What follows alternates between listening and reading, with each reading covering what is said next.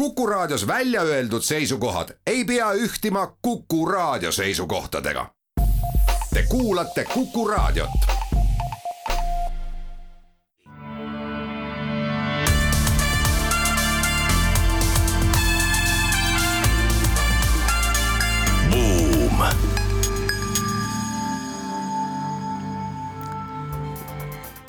Tere päevast, on kolmapäev, üheteistkümnes mai kahe tuhande kahekümne teine aasta.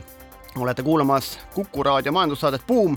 tänased saatejuhid on Ott Pärna ja tänane sünnipäevalaps Raivo Vare, palju õnne, Raivo! aitäh, suur tänu! buumi seekordseks fookusteemaks on väikeriikide arengumudelid ja saatekülaliseks Tartu Ülikooli rahvusvahelise ettevõtluse professor Urmas Varblane. Urmas liitub meiega Tartust, tere Urmas! tervist! ja nii nagu Buumi saates, ja nii nagu Buumi saates, Buumi saates kohane, siis alustame erinevatest majanduse ja juhtimise uudis- uudistest maailmas ja teises pooles siis juba läheme intervjuu Urmas Varblasega. aga siis uudiste algusest räägime huvitavatest, kohati vastuolulistest arengutest maailma majanduses. Äh, räägime turbulentsidest, mis seda maailma majandust vaevavad mitte ainult siin seoses sõja või pandeemiaga, logistikat või, või energiakandjaid, vaid ka muid asju, sealhulgas ka seda, mis puudutab äh, tööhõivet ja kvalifikatsiooni turgudel, mis on vajalik ja mis on puudu. Edasi läheme startup'ide maastikuga. India sai teadupärast endale sajanda ükssarviku ja Singapuris on taas leiutatud kiirnuudlid. vaatame Ja- selle asja sisse. ja muidugi räägime ka sellest, et äh, startup'ide tegevjuhtide palgad, mis on ammu olnud nii-öelda huviobjektiks, ikka palju inimene raha saab, on ka täna meil korraks puudutatud. räägime juhtimisuudistes ka sellest, et millised on kõige olulisemad äh, skill'id või oskused tööturul ja kuivõrd on juhtide või juhtimise puhul oluline emotsionaalne intelligentsus. ja räägime ka sellest, et äh, lennufirmad äh, üritavad ka ökonomiseerida ja nüüd on siis välja mõeldud, et meeskonda saaks siis vähendada, kui oleks vähem reisijaid ja siis tuleb ka vastavalt välja visata mingi osa lennukisalongis olevatest istekohtadest.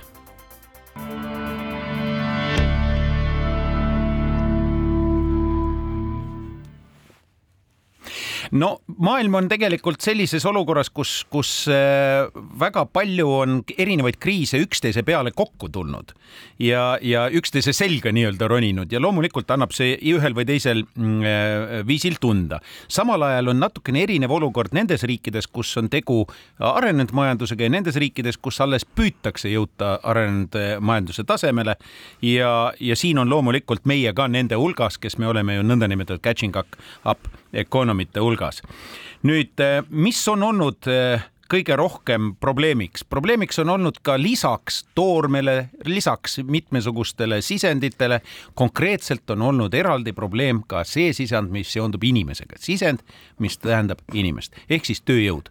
Ja tööjõu puhul on siis uudis, mis on tulnud meile eh, USA-st, nimelt see taastumine majandus on käinud nii kiiresti pärast seda, seda pandeemia nii-öelda lööki, et on tekkinud olukord, kus tegelikult teoreetikute poolt soovitatud tööpuuduse aste, mis on nii-öelda normaalne, neli protsenti või natukene rohkem, on asendunud tööjõu defitsiidiga.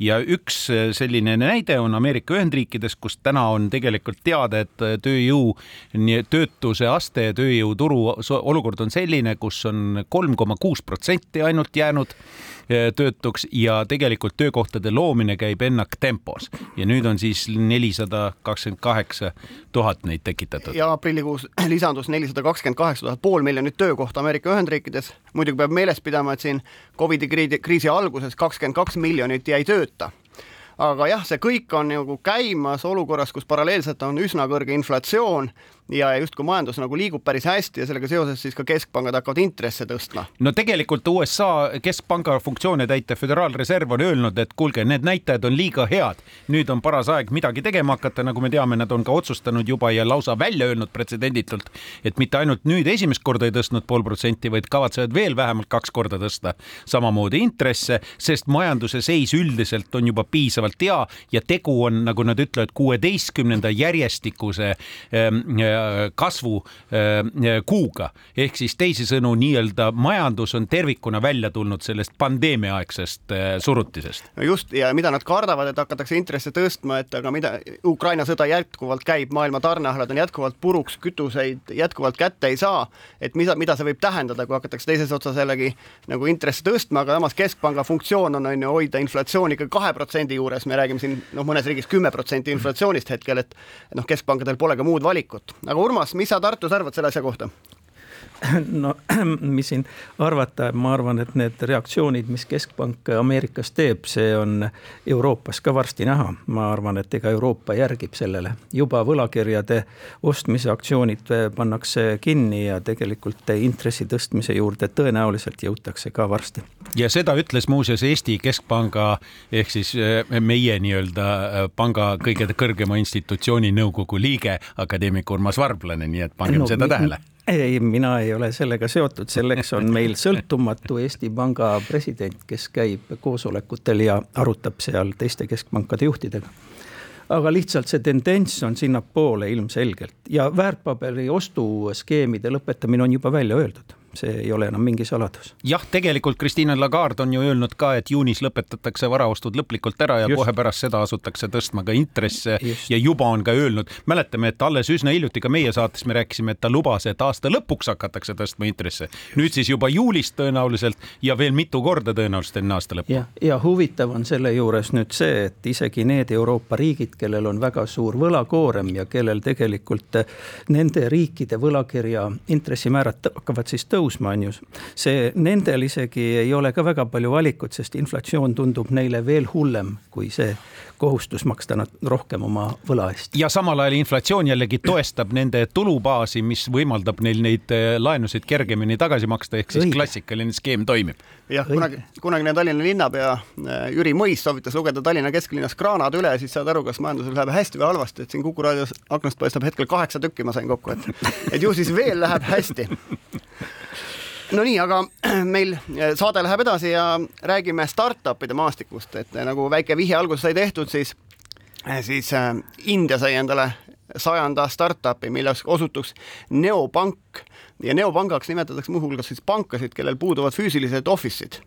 ja, ja see on siis märgiline tähtpäev ja India oma olemuselt tegelikult on maailma startup'ide maastikul suuruselt kolmas riik iga kolmas startup vist ka tuleb Indiast praegult, just selline startup, mis jõuab äh, siis unicorn'i staatusse, aga number üks on siis Ameerika Ühendriigid, number kaks on, kaks on Hiina ja India on siis jõudsalt sinna kolmandale positsioonile aga ärgem unustagem, et India on mööda läinud Hiinast ka rahvaarvu poolest, nii et ta on tegelikult maailma suurima rahvaarvuga riik juba praegu ja mis on huvitav, see Open Bank, mis on siis selle panga nimi, kes siis selle, selle staatuse saavutas, on siis selline virtuaalne pank, kes pakub just väikeettevõtetele kõikvõimalikke teenuseid. Ja ta muuhulgas oma tehnoloogilist platvormi tegelikult litsenseerib siis white label'ina ka teistele pankadele just selleks, et saada või mis teenust ta pakub ettevõtetele, on see, et sul on vaja ühte pangakontot või ühte panka, kellega sa tahad teha kõik asjad, alates laenust, lõpetades töötajate palkade väljamaksmiseni.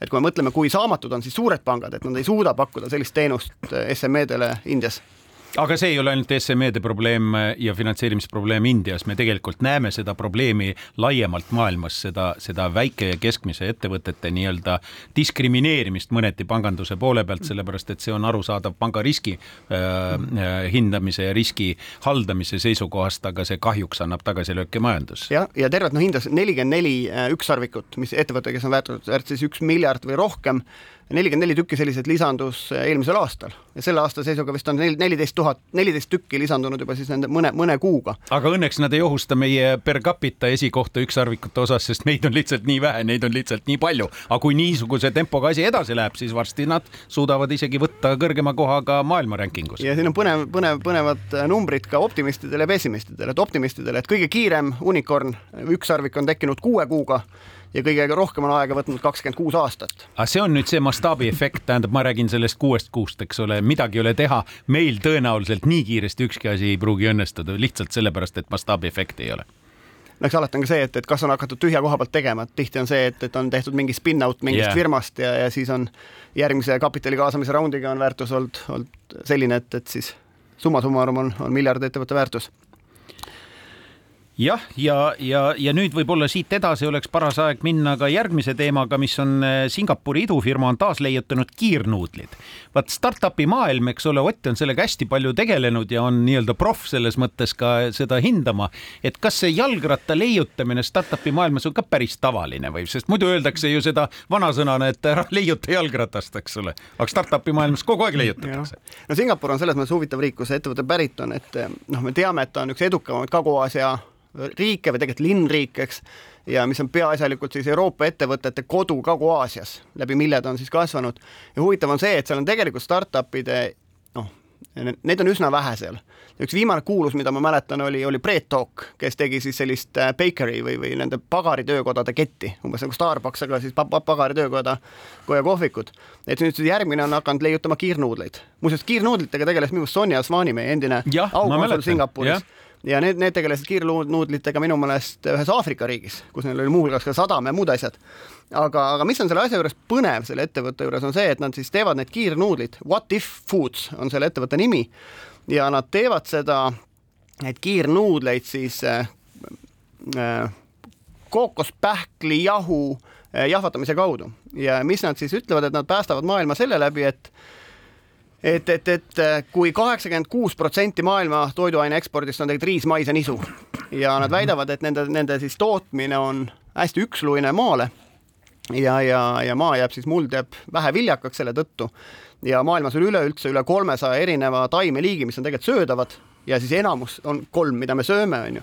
et tegelikult seda spektrumit peaks laiendama, see mõjub muldadele hästi, mõjub veekasutusele hästi ja, ja see on see suur nagu sotsiaalne missioon, mida nad teevad. aga see on samal ajal ka innovatsioon, et me läheme nagu seda rohelist rada pidi ja suudame seejuures asju veel paremini ja rohkem teha kui, kui seni. jah, noh, me ei lähe sinna toiduaine sisse, aga hästi täisväärtuslik on see iseenesest see jahu, sellelt jahult tehtav, tehtav toiduaine, et, et on kasulik mitte ainult siis muldadele, vaid ka siis inimestele endile ja mis on huvitav, et ärinuud, ärimudel on toodud Aafrikast on ju, et, et seda tegelikult varasemalt sedasama jahu jahvatati ja, ja sellega tehti toitu siis Aafrikas aga see on ka ilmselt tänapäeva eripära, et tuuakse nii-öelda mudeleid mujalt üle ja, ja kasutatakse seda, mida teised on välja mõelnud, aga kasutatakse natukene mastaapsemalt, natukene mingi teise nurga alt. Ja Singapur on kõva tegija selles suhtes, see ongi ühe edumudeli, väikeriigi edumudeli lugu, millest me hiljem räägime koos Urmas Varblasega. aga siia teeme väikese pausi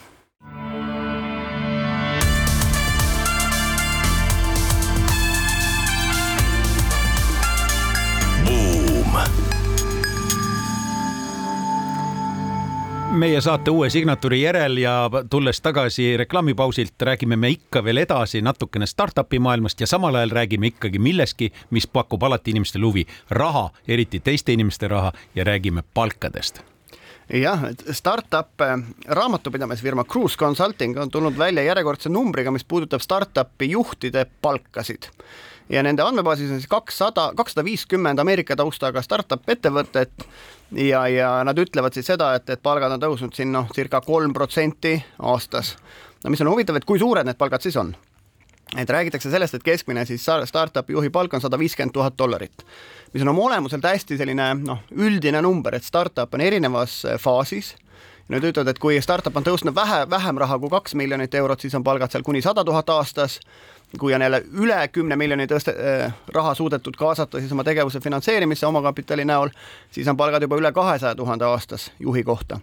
Et jällegi noh, nad on ka, ka siis on see abstraktsiooni tase hästi suur, et kui me räägime varasest faasist ja sellisest ettevõttest, kus on founder või asutaja on tegevjuht, siis on äh, surve pigem hoida palku madalana ka juhi palkasid just sellepärast, et siis ei teki ka töötajate palgasurvet. see on üks pool asjast, teine pool asjast on see, et kui luuakse alus, algusest peale, siis tegelikult ju see runaway või see kulude nii-öelda baas üritatakse ju automaatselt madal hoida, see enne kui on toodud piisavalt raha sisse ja on midagi ka turule pakkuda, mis tähendabki seda, et ega seda palganumbrit tuleb väga tähelepanelikult vaadata, kas see on palk või on see väljamaksed palgavormis, mis osaliselt on seotud optsioonide skeemidega ka veel. ja no just nimelt, et no, mida, mida väga varases faasis vaadatakse, tegelikult ka hiljem on see burn rate ehk siis äh, raha põletamise kiirus. kui palju raha kulub, need on nii-öelda cash flow negatiiv ettevõtted niikuinii, sest alles toodet arendatakse, alles minnakse turule, turunduskulud on niikuinii suuremad kui mingisugune äh, käive, mis sealt tekib müügi pealt, et ehk siis, et see raha põletamise kiirus on üks oluline märk ja, ja palgafondi Eh, mõju raha põletamise kiirusel on hästi-hästi suur, sest nendel ettevõtetel vara peale nagu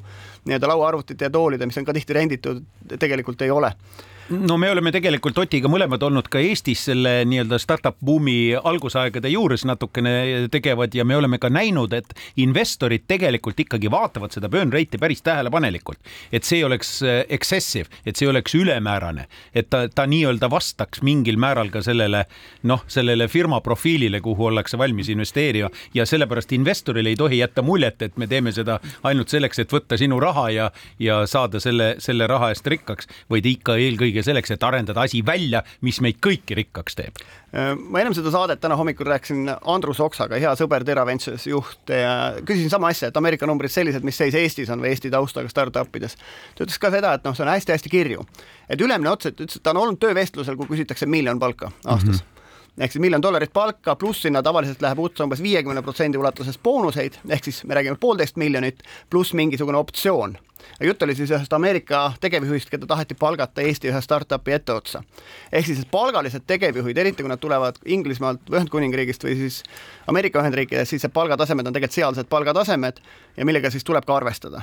aga noh, nende toomisel on ka mingisugune mõte, kas siis sellega saadakse mingile turule, saadakse ligi mingile kapitalile, et seal on palju ka sellist ettevõttepoolset nagu agendat taga, et miks no see ikka miks... eeldab hüpet, arengushüpet aga mis, mis üks, mis Andrus huvitava veel välja tõi, on see, et millega näiteks Eesti ja Soome startup maastikud erinevad. et kui Eestis hinnatakse väga palju optsiooni olulisust, ehk siis, et alguses tullakse pigem väikeste palkadega sisse, aga saadakse mingisugune optsioon, valdav, on, on ettevõtteid, kus kõikidel töötajatel on optsioonid, ja rikastuda soovitakse ikkagi nende optsioonide ehk siis ettevõtte edukuse puhul, kui need noh, optsioonid on vestitud seal kolme-nelja aastaga ehk siis inimene on saanud optsioonide omanikuks või optsioonidest on muutunud osalus ja, ja kui ettevõte siis kas kaasab järgmises raundis raha kõrgema väärtuse pealt või müüakse ta maha mõnele strateegilisele investorile, et siis on see, kus inimesed saavad rikkaks, mitte palgaga ei saada rikkaks.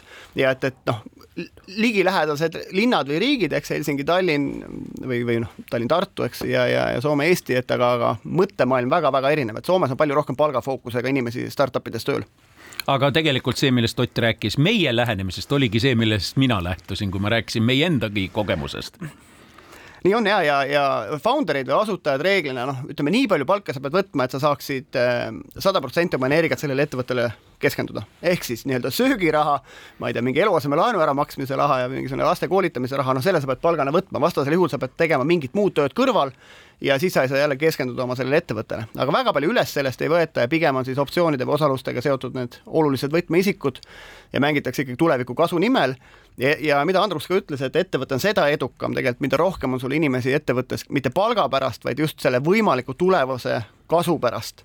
et peale mida tegelikult siis ostetakse maju, makstakse võlad ära ja, ja võib-olla investeeritakse järgmise ringi startup idesse. ja iseenesest me räägime siin makromajanduse teemasid samal ajal, et et huvitav on vaadata, kuidas, et ühesõnaga, kui keegi, mingi ettevõtte müügist tek-, teenivad töötajad sada, sada miljonit, nüüd kas see sada miljonit teenib üks inimene? Või teenib üks inimene näiteks viiskümmend miljonit. Ja see ülejäänud viiskümmend miljonit, näiteks paar inimest teenivad seal kakskümmend miljonit ja viimane viis miljonit jagatakse võib-olla paarikümne inimese vahel. ehk siis, et kui turul tekib selle müügi tulemusena mingi kakskümmend rikast inimest, siis majandusele tervikuna on ta palju kasulikum kui üks-kaks rikast inimest, sest et neil on aega, ressurssi vaadata kõiki järgmisi investeerimisvõimalusi ja toetada järgmisi alustavaid ettevõtteid, et et selles mõttes optsioone, mida rohkem, seda uhkem on tegelikult ka majandusele eh, kasulik. tegelikult võin seda kinnitada ka kinnisvaraturuga seotud isikuna, sellepärast et me oleme näinud, et Eesti elamukinnisvaraturul on tegelikult needsamad faktorid vägagi mänginud rolli ja just nimelt eh, startup firmade edasiarengu käigus nende realiseerimine on toonud kaasa päris märkimisväärse nõudluse premium-klassi eh, eluasemete turul no nii on jah, aga lähme vaikselt siit edasi, et meil on eh, juhtimisuudiseid siin tulnud, et, et Accenture, mis on siis või Accenture, kuidas see inglisekeelne väljend on, et on, on siis Iiri sugemetega multinatsionaal, kus on siis seitsesada tuhat töötajat tööl ja tegemist on siis IT-konsultatsiooni ettevõttega või IT-arendus, arendusea konsultatsiooni ettevõttega, kes ütleb, et nad on eh, palganud viimase kaheksateist kuuga äkki oli nelisada tuhat inimest või?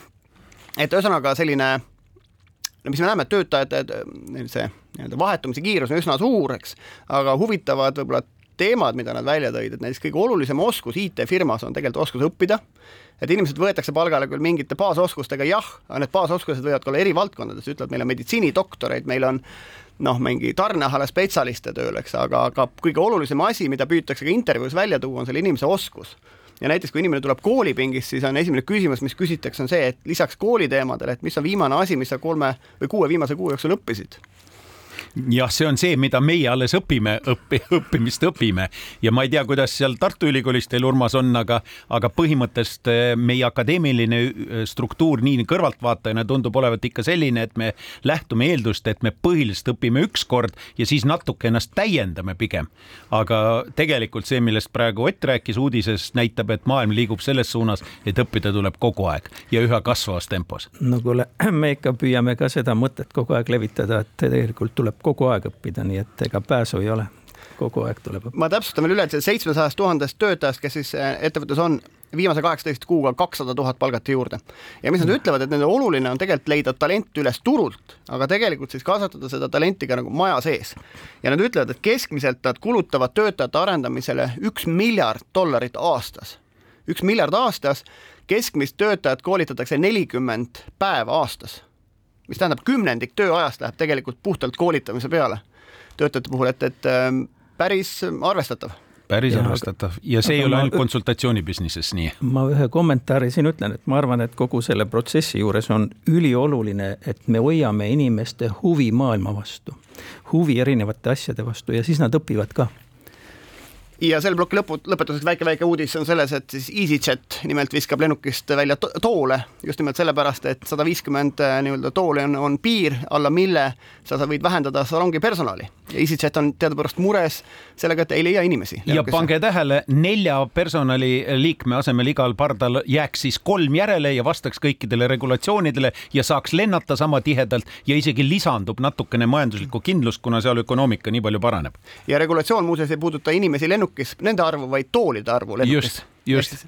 aga sellega tõmbame uudiste poole saates kokku, väike reklaamipaus ja siis oleme Urmas Varblasega intervjuuga tagasi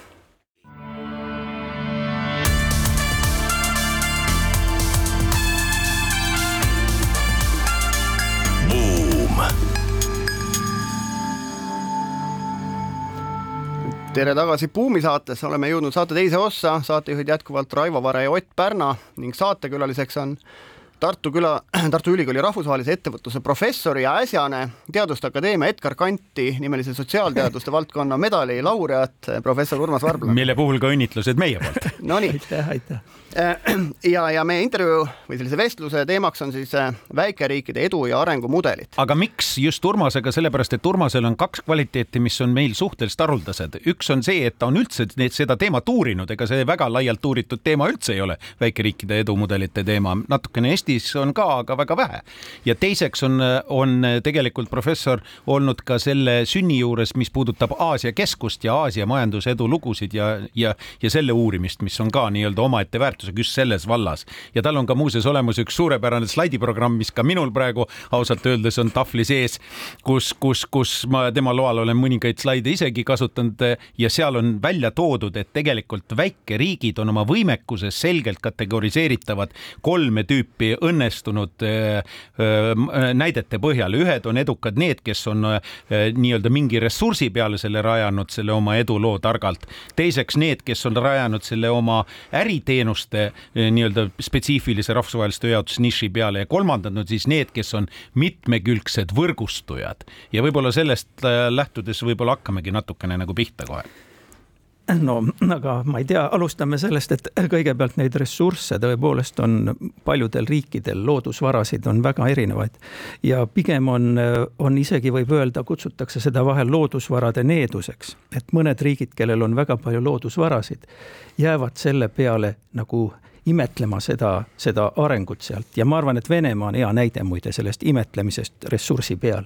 kui sa sinna midagi juurde muud ei pane, inimvara ei lisa, siis tegelikult see pikalt ei kesta.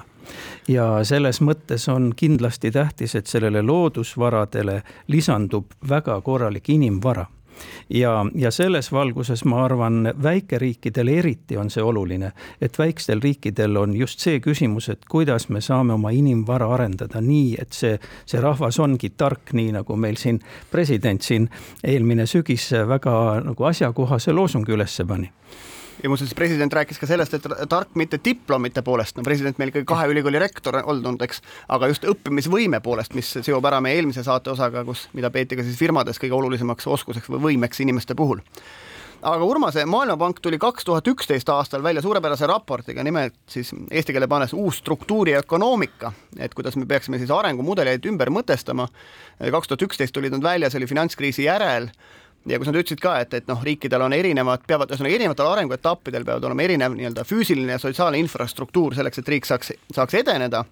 aga mis on minu meelest kõige hu huvitavam, mis nad välja tõid, oli see, et nad vaatasid viie, viimase vist viiekümne aasta jooksul riike maailmas, ÜRO-s üle saja üheksakümne riigi. Ja ütlesid, et nendest oli nii-öelda keskmise sissetuleku pealt jõudnud rikkamate riikide sekka vist kümmekond riiki viiekümne aastaga ja seal oli mm. mitmeid riike, kes olid tegelikult tagasi kukkunud ehk keskmise sissetuleku pealt madala sissetuleku peale.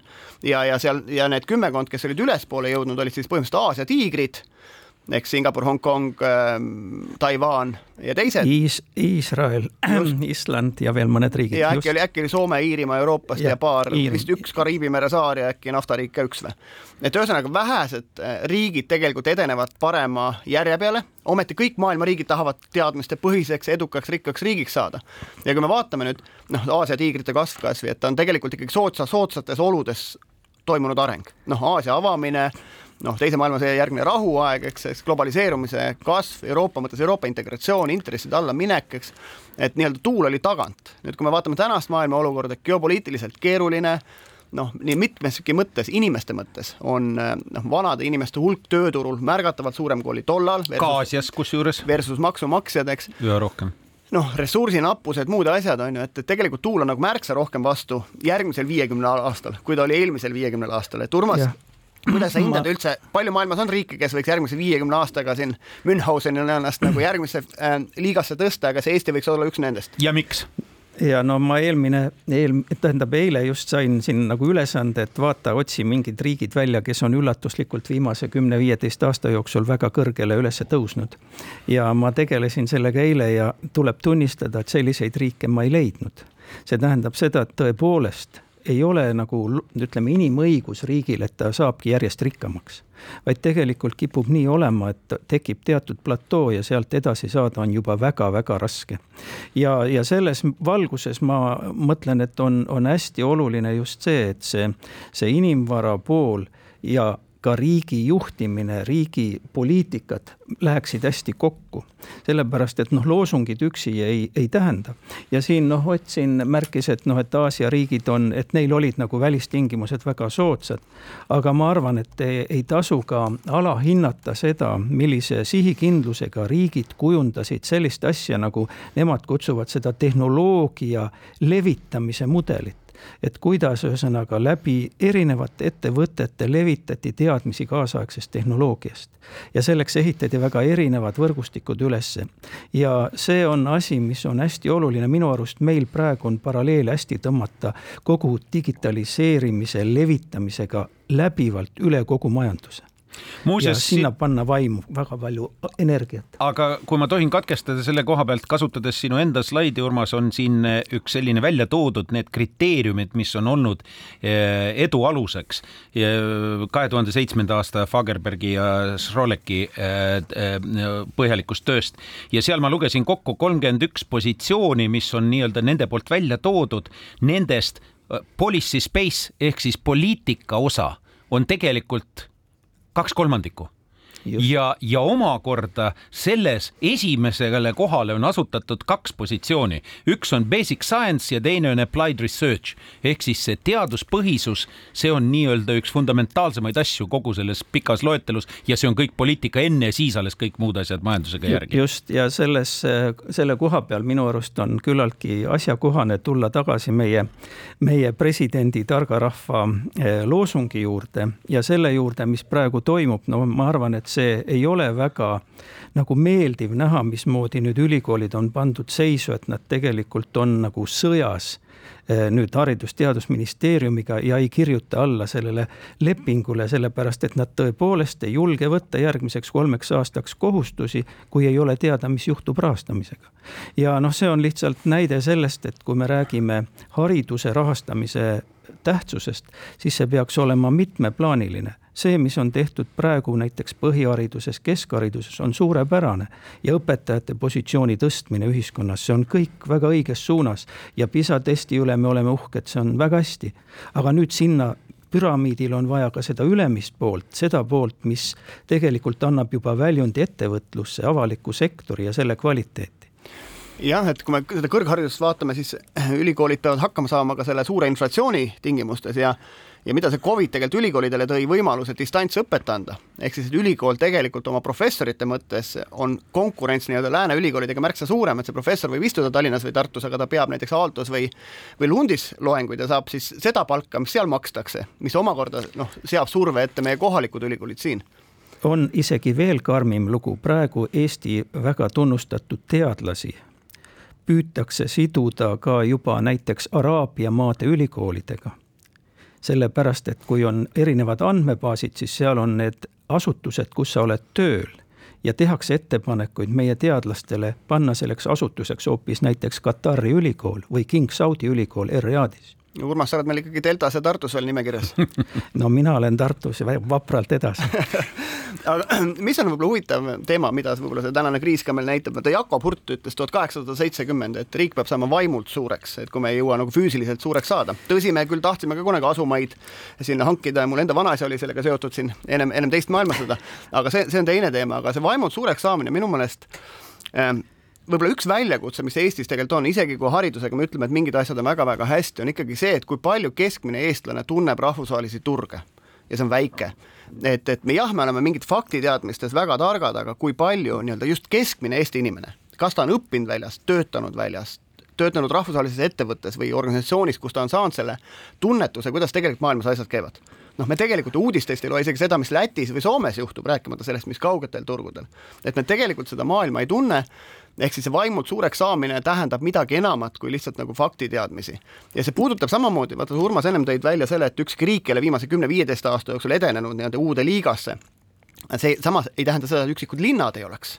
üksikud linnad on seda teinud ja see tähendabki seda, et et nii-öelda inclusiveness või selle kasvu kaasatus ei ole olnud täiuslik, noh, Dublin on väga edukas linn, eks, aga samas Iirimaa keskmiselt elatustaseme mõttes inimese kohta ei ole väga edumeelne, just see on see, et see nagu läheb väga ühte nurka nagu see. aglomeratsioonide koldeline nii-öelda vedu on praegu paks, toimiv mehhanism. paksem supp ja sama lugu on tegelikult rahvusvahelise turu tundmisega, startup'id tunnevad, startup'is töötanud inimesed tunnevad, et mingi osa tegelikult Eesti nii-öelda eestlastest või eestimaalastest tunnevad rahvusvahelist turgu, aga, aga et kuidas seda saada laiemaks, ma ei tea, kas igal lasteaial võiks olla sõpruslasteaed kuskil mingis lähiriigis ja koolil kindlasti no,, klassil kindlasti. võrgustumine, koostöö, see on see teema. sa ei saa juba keskkooli ära lõpetada, kui sa pole veerandit väljas õppinud, et me peame seda sisse saama ja aga ma arvan, et see hakkab pihta väga lihtsatest asjadest, sellest, et meil on näiteks televisioonis ka majandussaated, rahvusvahelise majanduse saated, milles me tutvustame neid erinevaid maailma turgusid, me räägime nendest. praegu pole ju selliseid saateid enam üldse olemas. no buumisaade Kuku raadios on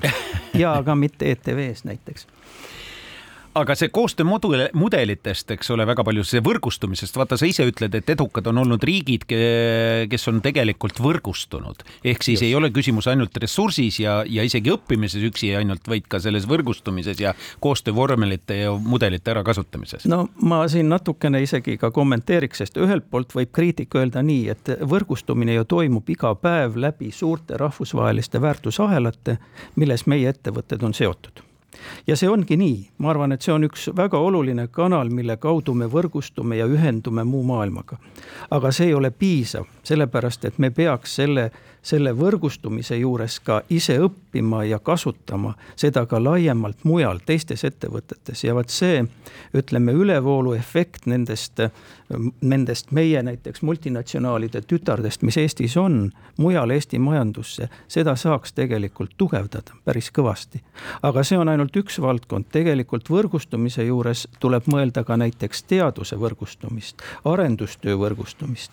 Ja no siin kohe vääramatult tuleb kohe esimene esimesena pähe Iisraeli näide kus Iisrael on võib-olla ütleme õpiku näide sellest, kuidas nad täie teadlikkusega oma doktorante on saatnud õppima välisriikidesse, erinevatesse keskustesse. kuidas on neile antud ülesanne, et sa oled seal, tekitad seal koostöö ja töörühma ja ilma sellise rahvusvahelise töörühmata ära parem koju tagasi tule. või veel parem, mõned võiksidki sinna tööle jääda aitäh, Urmas, teeme nüüd väikese pausi ja lähme sellesama teemaga kohe edasi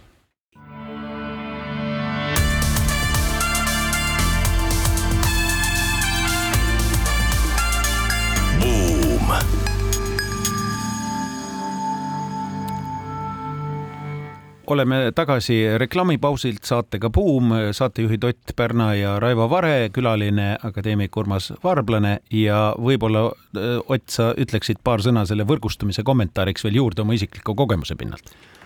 Jah, et Urmas lõpetas selle akadeemilise elu võrgustumisega, mis on hästi-hästi oluline teema ja mul endal isiklik näide sellest, et ma olen oma doktorantuuris olnud suure osa ajast Inglismaal Sussexi ülikoolis, mis on uue aja ülikool, noh, Londonist sada kilomeetrit alla La Manche'i ääres Brightonis ja, ja seal on niimoodi, et, et Inglismaal on ju noh, nii-öelda vanu ülikoole, Oxford, Cambridge School, Imperial, eks, kus on nobeliste ja selliseid nagu noh, lugupeetud autasustatud teadlasi. ja siis on need uue aja ülikoolid, kellel kunagi ei ole nii palju nobeliste, kui neil üldse on.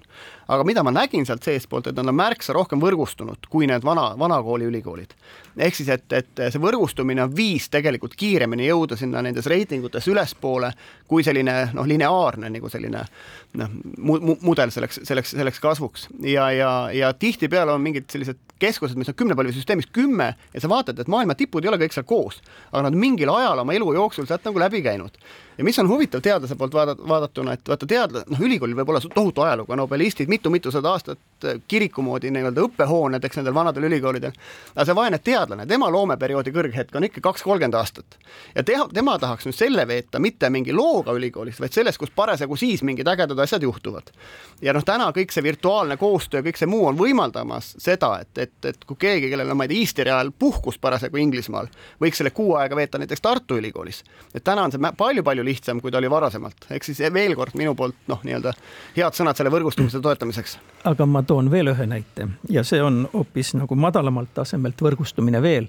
see on Islandi riigi näide, kus nad võtsid mingil ajal vastu otsuse, et kõik üliõpilased peavad mingi aja õppima välismaal, kõik ja sellele oli vahepeal noh, väga suur nagu hirm oli, et nad ei tule tagasi ja jäävadki välismaale ja, aga see ei läinud nii ja pigem see tähendas, et see Island, kes oma geograafiliselt asendilt on erakordselt nagu eraldatud, ühendus veel hoopis tihedamalt väga mitmel tasandil väga paljude maailma riikide ülikoolide inimestega.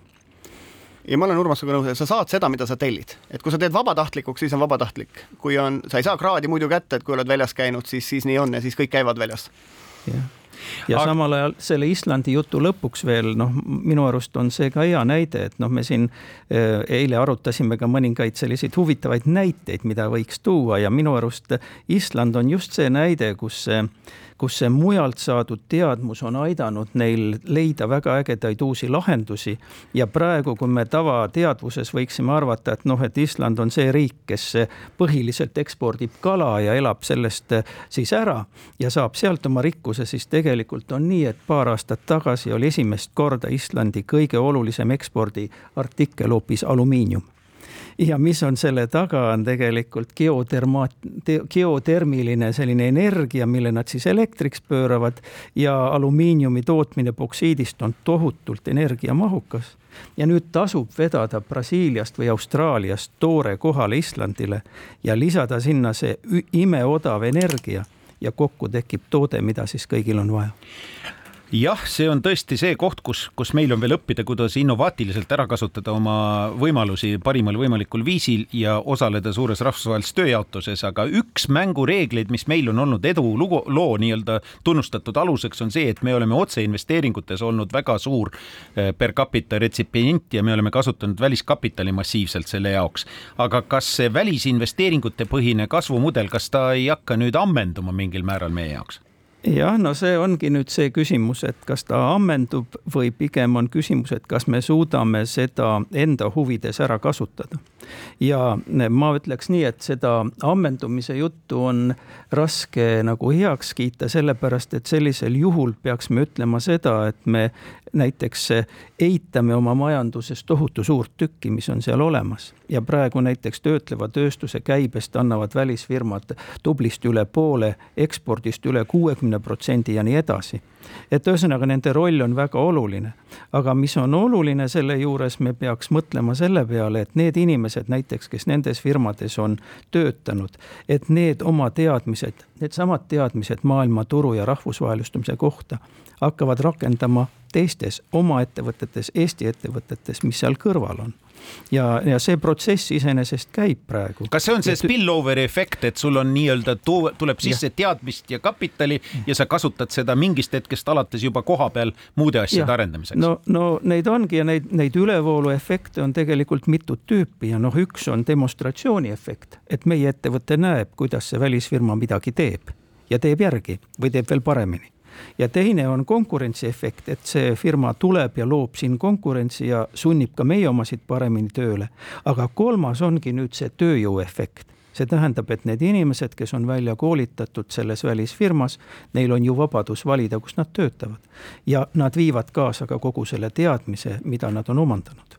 ja see on hästi oluline efekt aga Urmas, viimane kümme aastat, et kuidas sa oled näinud, kas sellist välisinvestorite kohalolu on ta siis teinud neid Eesti kohalikke just väikeettevõtteid konkurentsivõimelisemaks või, või see liiga vahe on jäänud sisse, ma võtan, vaatan näiteks ülikooliga koostöö mõttes, et kas väikeettevõtted tulevad ülikooli juurde, räägivad sama keelt?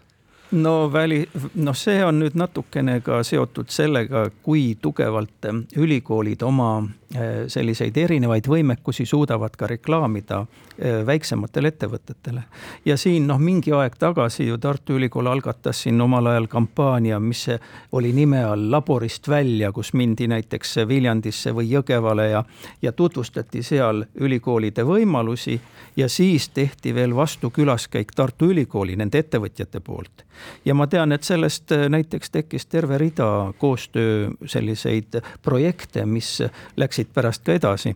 nii et noh, tervikuna praegu mul just eile siin oli juhus näha statistikat, mille kohaselt Eestis on ettevõtete, ülikoolide koostöö teatud tasemel eh, väga palju viimase mõne aasta jooksul paranenud aga kui sa nüüd soovitaksid, Urmas, meil nii-öelda oma edumudelit uuendada ja minna asjaga paremini edasi Eesti jaoks, väikeriigi jaoks, nagu me oleme, mida sa soovitaksid, ütle kasvõi kolm sellist olulisemat asja või mis kohe esimesena meelele tuleb? no kõige esimene asi on ikkagi tegelikult seesama, et see inimvara arendamine ei oleks mitte ainult loosung, vaid see tegelikult kajastuks ka eelarves. mis see tähendab? see see, see tähendabki täpselt seda, et, et me peaks tegelikult hästi mõtlema selle üle, et, et see alusfinantseering, ütleme kõrgharidusse, põhiharidusse on see, mille pealt me loome need inimesed, kes üldse neid uusi ärimudeleid teevad. hakkame Karise moodi targaks rahvaks jah, et me, me peaks selle targa rahva loosungit ikkagi väga kõvasti ka ellu viima. et see on minu arust ikkagi kindlasti kõige-kõige tähtsam. aga teine asi, mis on, mis on tõesti väga oluline ja mida Ott siin ka välja tõi, on minu arvates hästi palju meie ettevõtetele seda rahvusvahelist dimensiooni arendama ja üldse kogu ühiskonnal. et meile tundub, et seda on juba küllalt aga ei ole nii, praegu on nii, et Eesti kapitaliga ettevõtetest ekspordib ainult kolmkümmend, mingi kolm või neli protsenti. üks kolmandik, kaks kolmandikku ei ekspordi. aga tänapäeval, kui me räägime e-lahendustest e, e-kaubandusest, on võimalik rahvusvaheliseks tõesti saada kohe sünnilt. ei pea olema väga suur firma, et eksportida ehk ühesõnaga praegustes oludes on võimalik saada rahvusvaheliseks ka hoopis väiksema, väiksemal ettevõttel.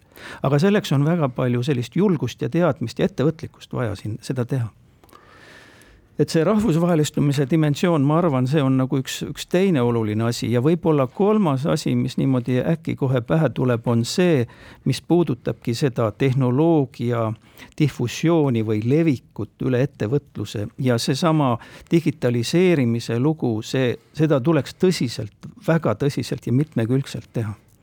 see on, see on vääramatult vajalik asi, mida tuleb teha jah, seesama Accenture, kellest me ennem rääkisime, seitsesada äh, tuhat töötajat, ütleb, et kõik töötajad läbivad IT nii-öelda baasoskuste testid kümnes kategoorias nende nii-öelda baasvõimekusi hinnatakse, et ilma selleta ei saa ükskõik millisel postil hakkama. aga tõsi ta on ka see, et, et uuringud näitavad maailmas pool rahvastikust, kes täna töötab, vajab kohest ümberõpet või täiendõpet ehk siis noh, nii-öelda haridusministeeriumi poolne mõõdik või minu pärast poliitikud haridusministeeriumi suunal, et kas pooled Eesti inimesed tööturul saavad näiteks paari järgmise aasta jooksul ümberõpet, mis on vähemalt kuu või rohkem või mitte. et, et kui asi jäävad jutuks, siis vaevalt, et me oma seda tallendibaasi väga palju, väga palju edasi suudame arendada aga jah, Buumi saateaeg kahjuks täna on ümber. suured tänud siis äh, Urmas Albrusele Tartust liitumast ja palju õnne jätkuvalt äh, Raivo Varele sünnipäeva puhul Buum on eetris taas siis järgmisel kolmapäeval kell kolmteist null null. saatejuhid on siis Ott Pärna, Anto Liivata teemaks keskkond ja rohepööre ning külaliseks Lauri Tammiste Stockholmi Keskkonnainstituudist. turvalist päeva teile! kohtumiseni!